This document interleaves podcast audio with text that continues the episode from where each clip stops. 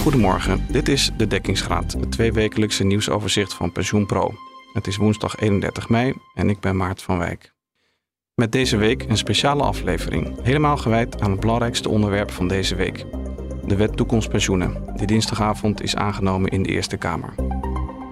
Met mij in de studio zijn vandaag Olaf Bosman, de politiek verslaggever van PensioenPro, die afgelopen weken, maar ook afgelopen jaren, alle debatten in de Kamers over de pensioenhervorming heeft gevolgd. Welkom Olaf. Dankjewel. En een speciale gast vandaag, Gerard Riemen. Hij was van 2008 tot 2019 directeur van de Pensioenfederatie en tegenwoordig pensioenbestuurder namens FNV. En we mogen wel zeggen, een veteraan van pensioenhervormingen. Welkom Gerard.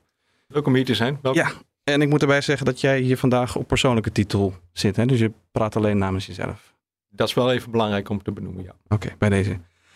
Um, nou ja, om te beginnen, gisteravond in de Eerste Kamer het debat. Uh, hebben jullie het gevolgd, Gerard? Nee, ja, ja via dankzij uh, alle twitters, uh, met name van Martine Wolzak. Uh, nee, maar ik heb niet live de hele tijd zitten kijken. Dat vind ik echt zonde van mijn tijd. Zonde van je tijd. maar je stond ook voor een zaal, begreep ik toch? Nee, gisteravond stond ik voor een zaal. Ja, ik, ik sta heel veel in zaaltjes, gemiddeld één keer per week. Met name voor FNV-leden, heel veel senioren. Om inderdaad uit te leggen wat de WTP nu inhoudt en ja, waar we naartoe gaan met dat nieuwe stelsel. Ja. Zijn ze daar, eh, begrijpen ze dat? Nou ja, ik, moet, ik, ah, ik vind het heel leuk om te doen. En het is, mijn ervaring is dat in het begin uh, zijn nogal mensen soms wat geagiteerd. Die hebben toch zoiets van, uh, het, het, kan allemaal niks wezen. En dan na twee uur gaan, uh, heb ik het idee dat het overgrote deel de zaal uitgaat met het idee van, nou, we moeten het allemaal nog maar eens zien. Weet je, ik krijg mensen echt niet in één keer overtuigd. Maar ik krijg ze wel, ik biedt ze meer informatie dan dat ze tot nu toe hebben gekregen. Ik laat ze zien waarom de FNV voor uh, de WTP is. En dat zet ze wel aan het denken. En dat okay. is ook wat ik beoog. Dus je kan ze een twee uur van geagiteerd naar sceptisch krijgen. Precies, ja. ja. ja. vind ik al een hele winst. Ja. Vooruitgang inderdaad, ja. ja. En Olaf, jij hebt ook... Uh, ik heb het wel uh, gevolgd. Ja, ja ik kan discussiëren over de vraag of het zonde is van je tijd of niet. Maar uh, nou ja, het ging uh, vooral over artikel 63 van de grondwet. En over ja. de vraag of voor de WTP een tweederde meerderheid nodig is. Of dat een gewone meerderheid volstaat. Ja, wat denk ja. jij? Ja, ik, ik vind wel wat zitten in die argumenten van die hoogleraren staatsrecht. Ja. Dus ja, en ik heb ook in de het debat begon meteen. Uh, Vert Kronen van de, van de PvdA, die, die trapte af. En die, uh, ja, die maakte een tegenstelling tussen rekkelijke en, uh, en precieze. Nou, de ja. drie hoogleraren staatsrecht, die, ja, die plaatsen hij in het kamp van, de, van het precieze. Ja. En hij noemde, noemde dan wat, wat rekkelijke. Die dan ja, ja, zijn, bent... zijn lezing, dat een gewone meerderheid volstaat, zouden ondersteunen. Nou, hij verwees naar een oud wetgevingsjuristen van Binnenlandse Zaken, Betty Drekshagen. Ja. En dan ja. twee andere hoogleraren, Ruud Kolens, een fractiegenoot, en Bert van den Brakel. Maar ja, beide zijn geen uh, hoogleraar staatsrecht. Ik heb geen namen gezien van uh, hoogleraren staatsrecht die, uh, die vonden van nou een gewone meerderheid volstaat. Maar jij neigt dus naar de precieze, merk ik bij jou. ja. Gerard, precies of rekkelijk? Nee, ik vind het eerlijk gezegd, uh, kijk, uh, het was toch evident duidelijk politiek spel. En wat ik echt een, echt een aanfluiting vond, is de suggestie die wordt gedaan dat en alle grondwetspecialisten bij, bij BZK hebben zitten slapen, dat iedereen in de ministerraad heeft zitten slapen. Maar veel belangrijk is dat ook dus nu wordt gezegd dat ook de Raad van State dus heeft zitten slapen. Ja. En dat vind ik dus grote kul. En we hebben een heel belangrijk adviesorgaan die juist voor dit, naar dit soort dingen kijkt. Er staat heel duidelijk in die memo-toelichting, wordt verwezen naar artikel 63 grondwet, staat er allemaal. En, en dan nu de suggestie werken alsof de Raad van State dit niet ja. heeft gezien. Ik vind het een aanfluiting. Ja, en ze zeggen van ja, heel veel maar... Snel, maar wat ook heel veel moet zeggen is dat wetsvoorstel lag nu al drie maanden bij de Eerste Kamer. Drie maanden ligt het daar. En dan echt nog geen week voor de stemming komt dit in één keer oppoppen. Ja. ja maar het is een onhandige timing, maar dat maakt, doet, doet toch niks aan, aan het argument. Hè? Want er wordt gezegd dat het een wetstechnische geeft... wijziging. Maar de grondwet maakt geen onderscheid tussen wetstechnische wijzigingen en andere wijzigingen. Dus Nou, wat opvalt is dat uh, Vloermans en anderen het hebben over technische wijzigingen. En het is fijn dat jij het zegt, het gaat hier om wetstechnische mm wijzigingen. Dat is weer iets anders dan een technische wijziging. Het is dus niet dat het APA op een technisch punt wordt gewijzigd. Nee, de wettekst wordt gewijzigd op wetstechnische punten. En uh, ja, ik vaar dan toch echt op al die deskundigen, ja, die er uh, heel veel tijd voor hebben gekregen om ernaar te kijken. En dat is wat, echt wat anders dan uh, drie hoogleraren die in het weekend even snel, snel, snel hm. er, er naar kijken. En bijvoorbeeld in mijn ogen niet de tijd kunnen hebben gehad om gewoon eens te kijken wat nou, welke wijzigingen het APA de afgelopen vijf jaar zijn doorgevoerd via andere wetten en welke dan wel of niet wetstechnische wijzigingen waren. Dus ik vond het, uh, het kan niet waar zijn dat je als wetenschapper een grondig onderzoek hebt gedaan in het Pinkstweekend. Dat ja. vind ik niet geloofwaardig. Ja. ja, volgens mij, Cox kwam natuurlijk al eerder met dat, uh, met dat argument. En hij heeft het volgens mij ook al, tenminste als ik hem moet geloven, hè, Cox, met, uh, daar kun je natuurlijk van alles van zeggen. Je kunt ook afvragen van oké, okay, nou, debat is een week later uh, gepland omdat, omdat Cox naar Rijkjavik moest. Naar moest. Van, is dat dan verdacht? Nou ja, hij zegt zelf van nee, ik heb het echt pas op het laatste moment gezien. En hij is toen gaan rondkijken en, en vragen. Dat kan, ja, ik, ik heb geen reden om aan, daar aan te twijfelen. En, want het was, wat jij zegt, dat kwam in het debat ook heel duidelijk naar voren. Het, ja, Joris Bakker van, van D66, die zei ook van ja, eigenlijk um, is de politieke weging die, die bepaalt de, interpretatie van de, de, van de grondwet. Dat was zijn, zijn die suggestie die deed Pim van Balkom van de, van de VVD ook uh, in het debat. Ja, dus zij probeerde het in het, nou ja, eigenlijk wat, uh, wat jij ook zei, Gerard, van het is een, een politiek spel. Zo probeerde zij het ook uh, in te kaderen. En ik vind dat ja. heel lastig inschatten. Dat zou in, interessant zijn om dat nog eens uh, ja, na te gaan van wanneer heeft Cox voor het eerst contact gelegd met, dus met zo'n hoogleraar staatsrecht? Wie heeft hij nog meer gesproken dan, dan, dan Bovendeert? En, maar is het niet veel interessanter om gewoon eens een keer te kijken of wat de waar is van de bewering dat de Raad van State hier ordinair heeft zitten te slapen? Ja, dat is ook een vraag die je dan. Je, ik denk dat ze daar geen antwoord op zullen geven op die vraag. kan je ze niet vragen, toch? Heeft u zitten slapen of heeft u hem wel gezien? Nou, dat, dat is zich op een gegeven moment ook gevraagd natuurlijk aan de Raad van State heeft, eh, en toen kreeg je alleen ja, algemene zin een antwoord. In algemene zin, als er niks, als wij hier niks over zeggen, dan hebben we er geen bezwaar tegen. Is dat geen helder antwoord? Nee, vind ik geen helder antwoord, want in specifieke zin zou het natuurlijk boel, ja, het zou, ja, het, het is natuurlijk mogelijk dat de Raad van State iets over het hoofd ziet. Toch? Maar goed. Ja, dat, dat, dat denk ik ook. Dus, maar goed, nogmaals, ja, dit, ik, ik vond ook wel wat, wat... Ik, denk, ik denk eerlijk gezegd, maar verder, ik vind het ook, ook een beetje terugkijken op, op iets wat niks met pensioenen te maken heeft. Maar ik denk, uh, het, het, is aangekondigd in die memo nou, dat de wet APA gewijzigd gaat worden hè, aan het nieuwe pensioenstelsel. Dat wetsvoorstel zal naar de Kamer moeten, daar is geen enkele discussie over. Daar is twee derde meerderheid uh, voor nodig. Dat gaat ook langs uh, de Raad van State. Het zou een mooie punt gelegenheid zijn voor de Raad van State om dan nog eens even terug te kijken op hoe zij aankeken, gekeken naar de wetstechnische wijzigingen die nu in de WTP zitten. Ja, ja maar goed, dat is, uh, dat is van, later, uh, van later zorg. Ja, het, uh, ik denk dat wij de discussie ook niet gaan oplossen hier in deze podcast. Um, misschien naar, gewoon naar de inhoud van de pensioenwet. Hè, dat valt nog 800 andere pagina's natuurlijk. Um, is dat iets, ja, zijn we daar nu gelukkig mee? dat die er nu is. Na, na 15 jaar is hij er. Um, de geboorte was een moeizame bevalling, uh, zullen we maar zeggen. Staan we nu allemaal te stralen dat dit er nu uh, is. Ja, het is goed dat hij er is, absoluut. Het is een absoluut een, uh, we moesten weg uit waar we, waar we nu zitten. Is het allemaal perfect? Hè? Is, is, zijn het allemaal, is ieder artikel een briljantje? Nee.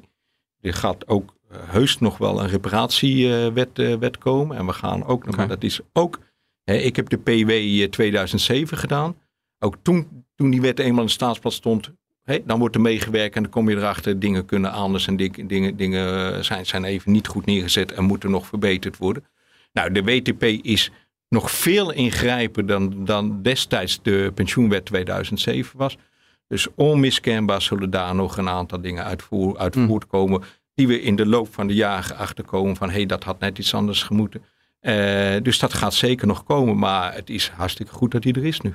Is er een punt waarop je verwacht dat er nog aanpassingen nodig zijn? We hebben eerder gesproken maar dat hè, de nabestaande pensioen, dat daar nog wel wat aan uh, mag worden versleuteld. Toen leek het een beetje een ondergeschoven kindje. Heb je dan nog steeds dat idee? Nou, sowieso is aangekondigd dat er nog uh, dingen gaan komen op het nabestaande pensioen. En overigens, die aankondiging houdt onder meer in dat men gaat uh, kijken of je ook het nabestaande pensioen kunt uitruilen. Nou, dat, dat lijkt mij geen, geen, geen goed idee, kan ik maar heel eerlijk zeggen. We weten, nog, we weten op dit moment dat in de Tweede Kamer ligt nog steeds het wetsvoorstel pensioenverdeling bij scheiding. Hm. Nou, dat, daar zal ook echt heel goed op nu naar moeten worden gekeken. Dit is ook zo'n onderwerp wat kan eh, heel veel techniek en heel veel complicaties, uh, heel complex kan zijn. Als je kijkt naar de WTP die er nu ligt. Kijk, gaan we pas nu, nu we ermee aan de slag gaan. En nu pensioenfonds en sociale partners die transitieplannen en pensioenfonds die implementatieplannen moeten gaan maken. Ga je erachter komen waar je tegenaan loopt. Een stukje eigen ervaring. Wij worstelen nu bij ons als pensioenfonds een beetje met hoe je met excedentregelingen om. Ons is BPL, geloof ik. In ja, ja, ja. ja. Uh, en dan, dan, dan, dan hebben we zoiets van ja, het is niet altijd helder hoe de wetgever daar nou tegenaan kijkt. Nou, uh, en zo heb je meer van dat soort dingen die niet wereldschokkend zijn, maar waarvan het wel prettig is als je weet, uiteindelijk weet van ja, hoe is dit nou precies bedoeld? En dan kijk je naar de artikelen, je kijkt naar de memo over toelichting, je probeert naar de parlementaire behandeling te kijken. En dat geeft niet altijd een antwoord. Nou, sommige van die dingen zullen waarschijnlijk uiteindelijk uh, gewoon gaan en dat een toezichthouder zegt van nou laten we het zo doen en iedereen denkt van nou dat gaat goed. En er zullen momenten zijn dat iedereen naar de, naar de minister kijkt en zegt ja hier moet u toch nog echt eventjes eventjes kijken of u niet via reparatiewetgeving uh, wat meer helderheid krijgt. Eigenlijk een levend ding. Hè, die ja, maar en, dat is, en dat is niks bijzonders. Hè? Dat is niks bijzonders. De, dat, dat geldt bij alle grote wet, wettelijke hervormingen van grote stelsels. Ga je dat krijgen. Ja. ja. En dat was natuurlijk een van die andere grote discussiepunten bij de Eerste Kamerbehandeling. Het uitvoeringsdebakel. En wat, uh, wat men eigenlijk vreesde. Dat, daar is nu een jaar extra voor gegeven. Maar ja, kijk jij daarnaar het risico op een uitvoeringsdebakel? Ja, ook de manier waarop jij het zegt lijkt wel of mensen er, eh, er nu al verlekkerd naar uitkijken. Nou, ik echt totaal. Nee, maar ik vind het echt. Het lijkt wel of mensen. Dat, op de eerste plaats, ik vind iedere vergelijking, echt iedere vergelijking met het toeslagenschandaal, vind ik misplaats. Vind ik hm. echt, echt misplaats. Laat duidelijk zijn, hè, die hele uitvoering, die transitie, is inderdaad een, een complex proces waar, uh, waar, waar inderdaad risico's in zitten. Dat, dat, dat, dat kan, kan, niemand ontkennen. Het is een spannend vraagstuk. Ik ben, vind het daarom ook wel uh, netjes dat die uitstel naar 2028 erin zit. Zodat als je merkt van hé, hey, uh, we hebben eigenlijk iets meer tijd nodig, dat je wat relaxter erin kan zitten, omdat je weet dat er nog een jaar, jaar is. Maar als je ziet hoe en uitvoerders en hoe pensioenfondsen op dit moment zich inspannen echt bezig zijn om te zorgen dat dit goed gaat lopen. Te kijken wat we in investeringen plegen, aan onderzoek doen, om bijvoorbeeld die datakwaliteit eerst te analyseren en daarna te kijken, is die op orde, is die goed, wat moet eraan worden verbeterd. Als je kijkt hoe we in gesprek zijn met al die uitvoerders over hoe we een beheerste transitie kunnen doen, zeg ik, ja, het is niet zonder risico, dat is waar. Uh, maar tegelijkertijd, we spannen ons ontzettend in om dit goed te laten lopen. Maar toch, ik, ik, uh, ik, kijk helemaal niet uh, verlekkerd naar. Uh, maar ik maak me wel echt oprecht wel wat zorgen over hoe die, hoe die uitvoering gaat gebeuren. En dat gaat over twee dingen. Bijvoorbeeld nou, een eerste datakwaliteit. ja, toevallig ben ik voor, zijn we bij PensioenPro gaan we nou een nieuwe website maken. En dan moeten we 14.000 artikelen moeten van de oude naar een nieuwe website zien te krijgen. Nou, daar hebben we al heel wat discussies over. Want er Waarschijnlijk gaat er toch iets in dat hele proces van het overzetten van 14.000 artikelen. Gaat er misschien één of twee gaan er kapot. Ja. omdat er, maar nu denk ik nu aan het ABP met 1 miljoen pensioenen. Die 50 jaar geschiedenis eh, met zich meedragen. Hoe ga je dat allemaal foutloos overkrijgen. Ik ja, en op één, op één moment. Uh, dat dat uh, ik hoorde laatst in een podcast dat uh, Essent, dan, als er dan een tariefaanpassing nodig is, dat ze dat dan ja, in drieën doen. Omdat het blijkbaar te ingewikkeld is om het voor alle klanten, ze hebben het meen tegen miljoen en eens te doen. Dan denk ik van ja, hoe kan ABP of PFZW, die meer dan een miljoen deelnemers hebben, hoe kunnen die op één moment het uh, vlekkeloos, zeg maar, dan de pensioenen invouwen of die knop omzetten. Dat, ik, ik vind dat heel lastig uh, het zal niet vlekkeloos voor, voor me te, te zien. En dat... Kijk, het belangrijkste is dat je die risico's in beeld hebt en dat je alles doet om die risico's goed te beheren. Dat is hè, wat je doet. En, dat, uh, en, en APG, PGM, maar dat laten we eerlijk zijn, dat zijn die instanties. Hè, APG, PGM, TKP, ja. AZL, dat zijn de instanties die het gaan doen. Ja, onder verantwoordelijkheid van hun opdrachtgevers, te weten de pensioenfondsen. Ja. En wat ook niet zal zijn, is dat als je het omgezet hebt, dat je de administratie van de aanspraak en dergelijke de volgende dag hebt weggegooid. Dat is ook niet het geval.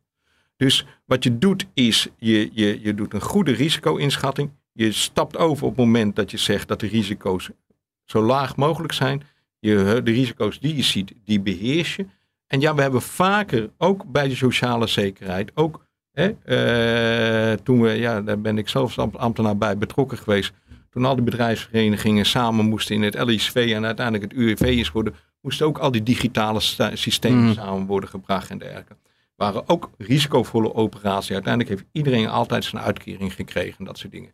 Zal er incidenteel een keer ergens iets fout gaan? Ja, natuurlijk. Dat kan bijna niet anders op, op, op die miljoenen uh, transacties. Maar als, als het feit dat, dat, dat uitvoering geen garantie is dat alles 100% per definitie goed gaat, een reden is om iets achterwege te laten, dan komen we nooit vooruit in dit land. Ja, nou ja, goed. Een, een, een, nee, daar heb je natuurlijk helemaal gelijk in. Een argument was natuurlijk om te zeggen, nou laten we met iets nieuws beginnen en laten we die oude dingen laten staan. Want dat is natuurlijk het risicovolste deel, lijkt mij, het invaren. Ja, maar um, er, is, er is dat uh, het oude laten staan, betekent veel meer dan dat, die, dat je die administratie in stand houdt. Mhm. Nee, wat het idee was dat je alle bestaande aanspraken onder het huidige regime laat voortbestaan. En de vraag is nou, doen we daar nou de deelnemers en alle gepensioneerden een plezier mee om alles bij het oude te laten? Dat is één. Daarnaast, het tweede is, ik denk dus niet, hè, want je wilde hebben dat je afkomt van die periode van jarenlang niet indexeren. En je wil hebben dat pensioenen kunnen worden verhoogd. Nou, dat ga je niet voor elkaar krijgen als je alles onder het oude regime laat staan. Twee, hoe risicovol is het om twee volledige systemen erop na te houden? Die je allebei moet beheren, allebei moet onderhouden. En de derde is, die vind ik ook belangrijk om te benadrukken, is... We zijn nu met z'n allen in zo'n pensioenfonds, delen we met z'n allen alle risico's. Ja? Het is één collectiviteit waarin solidariteit wordt gegenereerd. We gaan nu zeker bij al die bedrijfspensioen voor het overgrote deel gaan over naar de solidaire premieregeling. Waar je wederom met z'n allen in een collectiviteit zit en met z'n allen die risico's deelt. En dan is het heel raar om dat nu in één keer te gaan doorbreken. En dus te zeggen van nou, we beginnen gewoon eigenlijk voor nieuwe deelnemers opnieuw op één. En alle anderen, dat scheid je af. Dan ga je twee collectiviteiten neerzetten. Ja. ik vind dat gewoon geen goed idee. Nee, het is één solidair geheel. We hebben vandaag een artikel gepubliceerd, een tijdlijn van uh, ehm, 15 jaar ja, pensioenhervormingen. Heel leuk. Ja. Uh, nou, ik heb dat nog eens uh, nagegaan en ook uh, gekeken welke wel, hoeveel contracten er wel niet uh, de revue zijn gepasseerd. Dat begon met het reële contract. Je had op een gegeven moment een harde kern met een zachte schil of iets dergelijks. Je had 4C had je. ja, 4A, ja. ja 1B, 1A. Ja. Ja, uh, nou ja, variant. Even kijken. Uh, ja. nu dus, nou ja, oh ja, de onzuivere premieregeling hebben we ook nog gehad. En dan nu naar de solidaire en de flexibele premieregeling. Um, ja, het is wel allemaal behoorlijk ingewikkeld. Heel veel varianten om het zelf te doen. Tegelijkertijd hebben, zeggen altijd, dat hoor je dan vaak van, ja, eigenlijk is het heel simpel. Pensioen is premie plus rendement. En daar hebben we toch 15 jaar over gepraat. En uiteindelijk hebben we toch een extreem complexe regeling, mag je wel zeggen, met 800 pagina's wetgeving. Dus dan denk je toch van hadden we dit niet op een of andere wijze simpeler kunnen aanpakken? Nou, dat is een goede vraag. In ieder geval is de, het doel om het eenvoudiger te maken is volgens mij. Uh, dat was wel een doel uit het pensioenakkoord ook inderdaad. Ja, en dat is voor. Ik, ik ben ja, misschien dat jij daar anders over denkt. Nee, ik ben dat met je eens. Ik vind niet dat het eenvoudig is geworden. nee, dat is het niet. Nee, nee, nee, nee, dat moet zo heel simpel zijn. Ik zeg dat ook altijd in de, als ik voor die zalen zat, dames en heren, als het veel eenvoudiger was geworden, hadden we hier geen, had ik hier geen twee uur nodig gehad om het u allemaal uit te leggen. Maar overigens, dat, eh, dat het is premie rendement, ja, let wel even op. Hè. Dat, dat wordt wel heel makkelijk gezegd. Maar er zijn een paar opmerkingen bij te maken. Eén, die discussie van die afgelopen 15 jaar is in essentie dat de vraag hoe je dan die premie en rendement, hoe je de opbrengsten daarvan over de generaties en tussen de generaties verdeelt. Ja. Het is een- in de essentie is het één heel groot verdelingsvraagstuk. Het tweede is natuurlijk dat, eh ah, dan kan je zeggen het is premierendement, maar du moment dat je bijvoorbeeld bij een individuele beschikbare premieregeling, is het inderdaad allemaal premierendement, maar du moment dat je er annuïteit voor in moet kopen, komen wel wat andere elementen aan de orde. Want dan komt Levensverwachting. ook de rente en lang leven in één keer om, die, om, om de hoek kijken. Dus zo simpel ligt het ook eh, weer niet. En het derde element is, het is premie rendement. Maar het ene contract kan je makkelijker met minder risico's een hoger rendement halen dan in het andere contract. Dus ja, essentie, het is premie rendement. Maar daar alleen met die stelling volstaan, eh, doe je echt onrecht aan eh, wat een pensioen is. Neem niet weg dat het misschien toch simpeler had gekund. Een vaste rekenrente bijvoorbeeld. hè, Dat, Oh ja, nee, maar weet je, zeker, het had, het had simpeler gekund. Maar we hebben het nou eenmaal sinds 2008, 2009 veel meer te maken met eh, ook eh, ideologie en dogma's. Ja. Ook in de politiek, met name in de politiek. Meer dan voor die tijd? Ja, ik denk het wel. Meer dan bij de FNV. Te beginnen bij D66, te beginnen bij de VVD. Eh, dus nee, ik, ik vind niet dat je dat bij de FNV neer kunt leggen. Welke dogma's eh, bij de D66 en de VVD dan? En welke? I- individualisme, hè? Ja, het moet ja. individueler. Hè? Dus, dus de afkeer van, van begrippen als collectiviteit en solidariteit. Ja. Eh, de afkeer van, eh, van het idee van verplichtstelling. Wat overigens niks anders is dan een vertaling van de afkeer van collectiviteit en solidariteit. Ja. Meer eigen verantwoordelijkheid naar de burger toe. Dat soort elementen maakten die discussie een, stak, een Ja. stuk lastiger. En dogma's bij de Nederlandse bank misschien? Nou, of Nederland, kijk, ik, ik wil niet zeggen dat de Nederlandse bank ik daar dogma zit. Wat ik wel ervaren heb sinds 2008, hè, dus in die hele periode toen, toen de crisis echt uitbrak. eh, en wat volgens mij eh, ook echt heeft geleid tot FTK 2015, is dat de Nederlandse bank, dus ook vaak door, door mensen van de Nederlandse bank tegen mij gezegd. Zij vonden dat er in het hele gebeuren, sociale partnerspolitiek, geen goede partij was die echt opkwam van de, voor de belangen van de jongere generaties. En eh, dat, dat, dat maakte dat DNB zoiets had, er moet één partij zijn, echt institutie, die opkomt voor de belangen van de jongere generaties. Hm, hm. En die rol hebben zij heel nadrukkelijk gespeeld, zeker bij de totstandkoming van, het- van het FTK 2015. Nou, dat is een punt dan, de, die DNB'ers die, die je daarover sprak. Of die dat zeiden van de jongere generaties, die, eh, die komen er bekijkt af. Ja, die, die zoiets hebben van politiek kijkt naar, eh, naar electoraal gewin. En dat betekent dus dat men eh, de gepensioneerden binnenboord wil houden. Het idee dat de FNV, CNV, de bonden ook alleen maar opkomen. En dat is natuurlijk het, het, het, het, het ironische lot van de, van de vakbeweging. Dat eh, de senioren bij die vakbeweging vinden dat die bond veel te weinig voor ze doet. En de buitenwereld juist vindt dat die bond alleen maar opkomt voor de, voor de gepensioneerden. Is dat zo? We zitten hier op persoonlijke titel. Dus.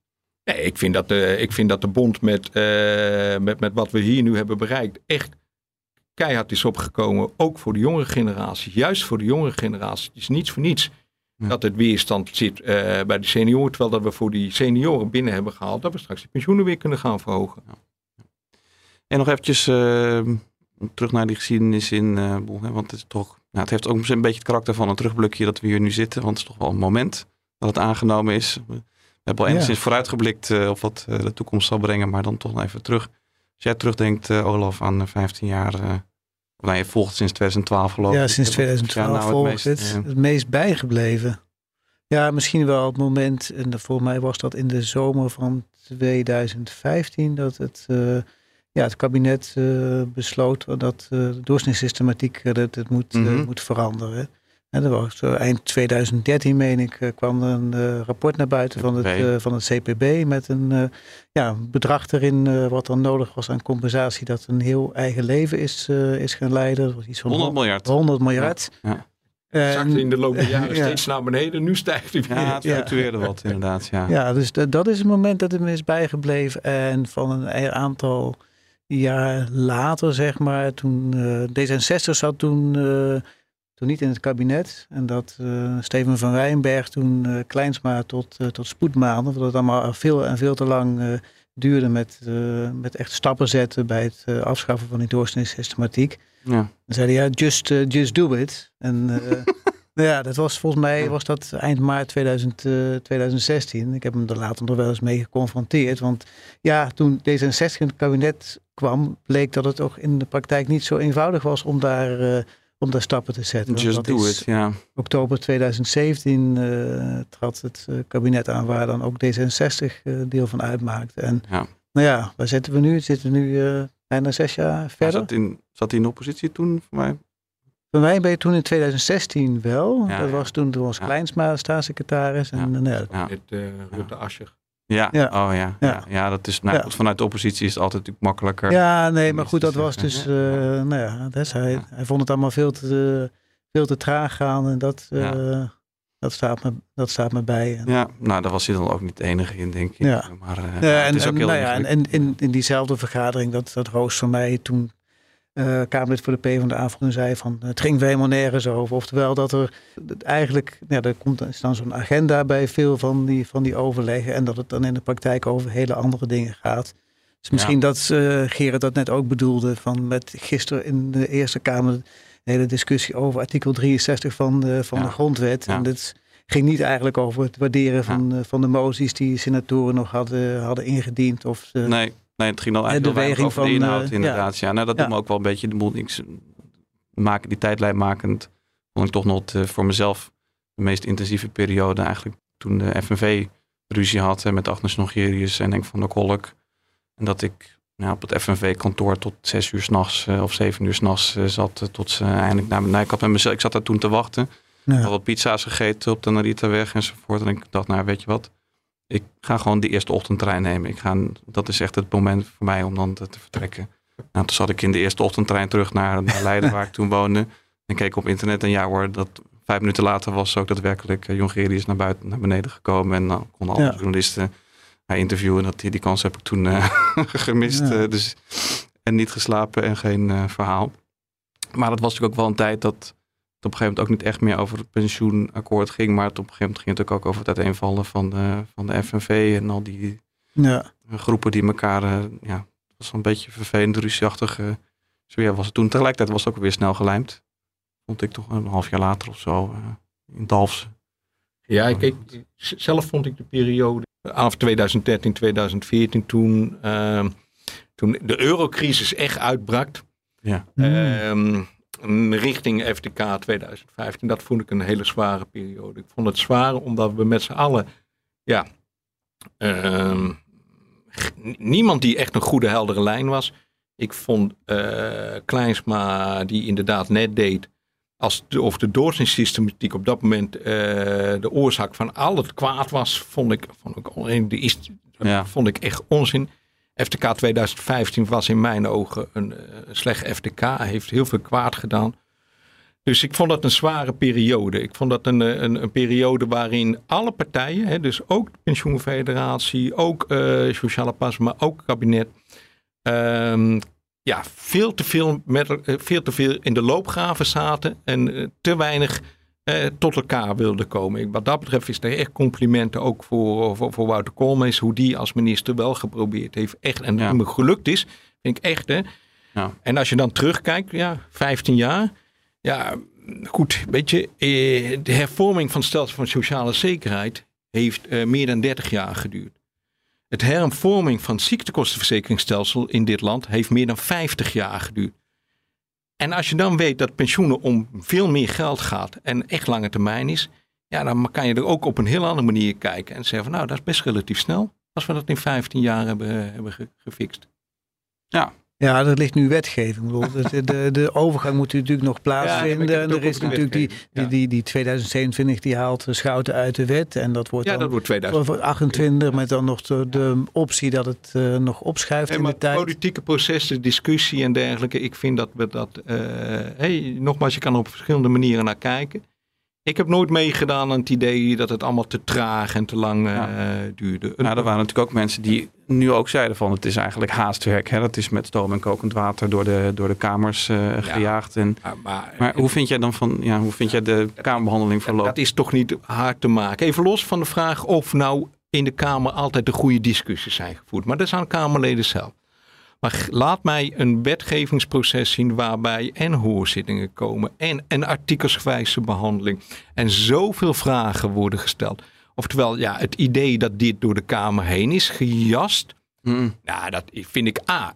Het, het, het doet geen recht aan de Kamerleden zelf, die er zelf voor hebben gewaakt en het tijdpad ook zelf maar hebben Vond jij het een goede discussie in de Kamer? Nee, nee, nee, nee, maar dat is. Kijk, het is niet. Nee. Uh, maar dat is makkelijk, hè? Om met al de deskundigheid die je hebt, en, om dan te zeggen: het is geen goede discussie. Ieder Kamerlid voert die discussie vanuit zijn politieke achtergrond. Ja? Uh, en we hebben nou eenmaal een volksvertegenwoordiger gekozen. En je kiest de volksvertegenwoordiging niet op hun deskundigheid op het pensioenterrein, of op het klimaatterrein, of op het fiscale terrein. Zo kiezen we ze niet. Dus uh, zijn de discussies in de politiek zijn per definitie politieke discussies. En uh, zo zit de democratie in elkaar. Dus ik, ik heb daar ook helemaal niet zoveel moeite mee. Natuurlijk, ik heb ook graag liever als pensioendeskundige dat, er, dat er meer echt op inhoud wordt in, ingegaan. Nou, dat lukt niet altijd. Nou, zo, zo be Maar gaan, ik, het idee dat het door de kamers heen is gejast, dat vind ik echt niet. Nou ja, ik denk dat het is een nou jaar over Je, je kunt natuurlijk denken, zeggen van uh, Pieter Omtzigt, dat, ja, ik zou hem toch wel als pensioendeskundige uh, willen zien. En die is, dat is een van de Kamerleden, is natuurlijk ook tegen uh, dat wetsvoorstel. Die vindt dat er eigenlijk te weinig tijd is genomen voor zo'n uh, grote, omvangrijke, complex, uh, complex uh, wet. Dus ja. En dat vindt hij. En hij, Peter, Pieter heeft absoluut heel veel verstand van pensioenen. Maar Pieter is ook politicus. En heeft ook wat dat betreft een politieke agenda naast al zijn deskundigheid. En dus ja, dat, dat, dat, ook dat mag je niet uitvlakken. Wat is zijn politieke agenda dan? Dat moet je aan Pieter vragen. Maar wat, als iemand zegt van we hebben je tijd nodig meer tijd voor nodig? Welke politieke agenda zit er dan achter? Ja, dat, dat, dat, dat betekent dat hij uh, zich grote zorgen maakt over wat er in het wetsvoorstel staat. En dat hij ook hoopt dat met, door meer tijd te winnen misschien de politieke verhoudingen kunnen verschuiven. Waardoor hij een meerderheid kan krijgen voor zijn wensen. Ja, ja zo zit politiek in elkaar. ja. Nou ja, volgens mij de manier waarop hij naar wetgeving kijkt, wijkt vol, het is mijn indruk niet af van hoe hij naar andere dossiers uh, kijkt. Dus heel sterk op details en nou ja, soms naar mijn optiek soms iets te ver gezocht, kan ik me voorstellen. Nou, jij zei net van nou, hè, als je alles precies van tevoren wil, wil uittekenen, dan komt er nooit een verandering tot stand. Ja, dat risico is, kan ik me voorstellen dat dat er wel is, zeg maar, op de manier waarop uh, Omtzigt dan eigenlijk naar wetgeving zou willen kijken. klopt, hè, Olaf, maar hij heeft daarom ook die artikelsgewijze behandeling heeft, heeft hij gekregen. En hij is dus, die, dat wetsvoorstel is dus per artikel behandeld ja. en doorgenomen. En dan kan, je, dan kan je best nog zeggen van ja, maar ik vind dat de Kamerleden die dat hebben gedaan het allemaal niet helemaal goed hebben. Maar dat, die, wat, wat hij wilde, die artikels, die is er gekomen. Die is er gekomen. Ja. Oké. Nou, um, pensioenfondsen mogen nu aan de slag met deze wet die is aangenomen. Dat geldt ook voor... Uh, dat waren ze allemaal wel al hoor. Ja, ze waren al stiekem al een beetje begonnen. Hè? um, dat gaat ook eh, bij jullie natuurlijk. Uh, bij BPS zit je nog bij fondsen in, in het bestuur eigenlijk? Nee, nee, ik zit alleen bij BPS. Ah, ja. Wat zie je, zie je eruit? Het, de implementatie de komende vijf jaar? Wat verwacht je ervan? Ja, wat ik er verwacht is, eh, ik denk, hè, eh, eh, inderdaad, hè, al die pensioenfondsen zijn al lang begonnen. Ook sociale partners zijn al lang begonnen. Maar iedere keer met alle ondervoorbehouden en dergelijke. Dus, dus, dus nu kan men echt die, als eerste die transitieplannen gaan maken. Hè? Dus, dus echt van. en dat betekent, en dat vind ik zelf een, een, een, best wel een bijzonder proces. Want wat je ziet is dat sociale partners en pensioenfondsbestuurders er samen uit moeten komen, met name op dat terrein van het invaren. Dat moet evenwichtig zijn. En wat is nou evenwichtig? Ja, dat is een mooie vraag. ja, dat is een, ja, nee, niet de commissie voorkomen? Ja. Een commissie evenwichtig. Nou, er, er, zou nog een handleiding evenwichtig handleiding. komen hè, van, uh, van, van, van, van de minister. Die heb ik uh, nog, nog niet gezien. Nou, zijn handleiding is geen ministeriële regeling, is geen richtlijn of wat dan ook. Maar het zou wel iets kunnen helpen in die, in die gesprekken. Want dat is best wel, eh, dat, dat zeg ik ook altijd is in al die zaaltjes. Dat vind ik zelf op dit moment de grootste uitdaging. Wat vinden we nou met z'n allen als pensioenfonds, als samenleving, wat vinden we nou evenwichtig? Ik vertaal dat altijd, wat vinden we eerlijk? Nou, mhm. dan kan je op heel veel manieren kan je daarnaar kijken. Nou, en dat gesprek tussen sociale partners en het pensioenfonds over wat is nou evenwichtig, hoe gaan we dat vermogen nou toewijzen? Ja, dat vind ik eigenlijk in het hele proces wat we nu gaan doen, Ja. een van de spannendste. Ja, Ja, nee, dat kan ik me heel goed voorstellen. Want dat is denk ik heel lastig. Eh, Ja.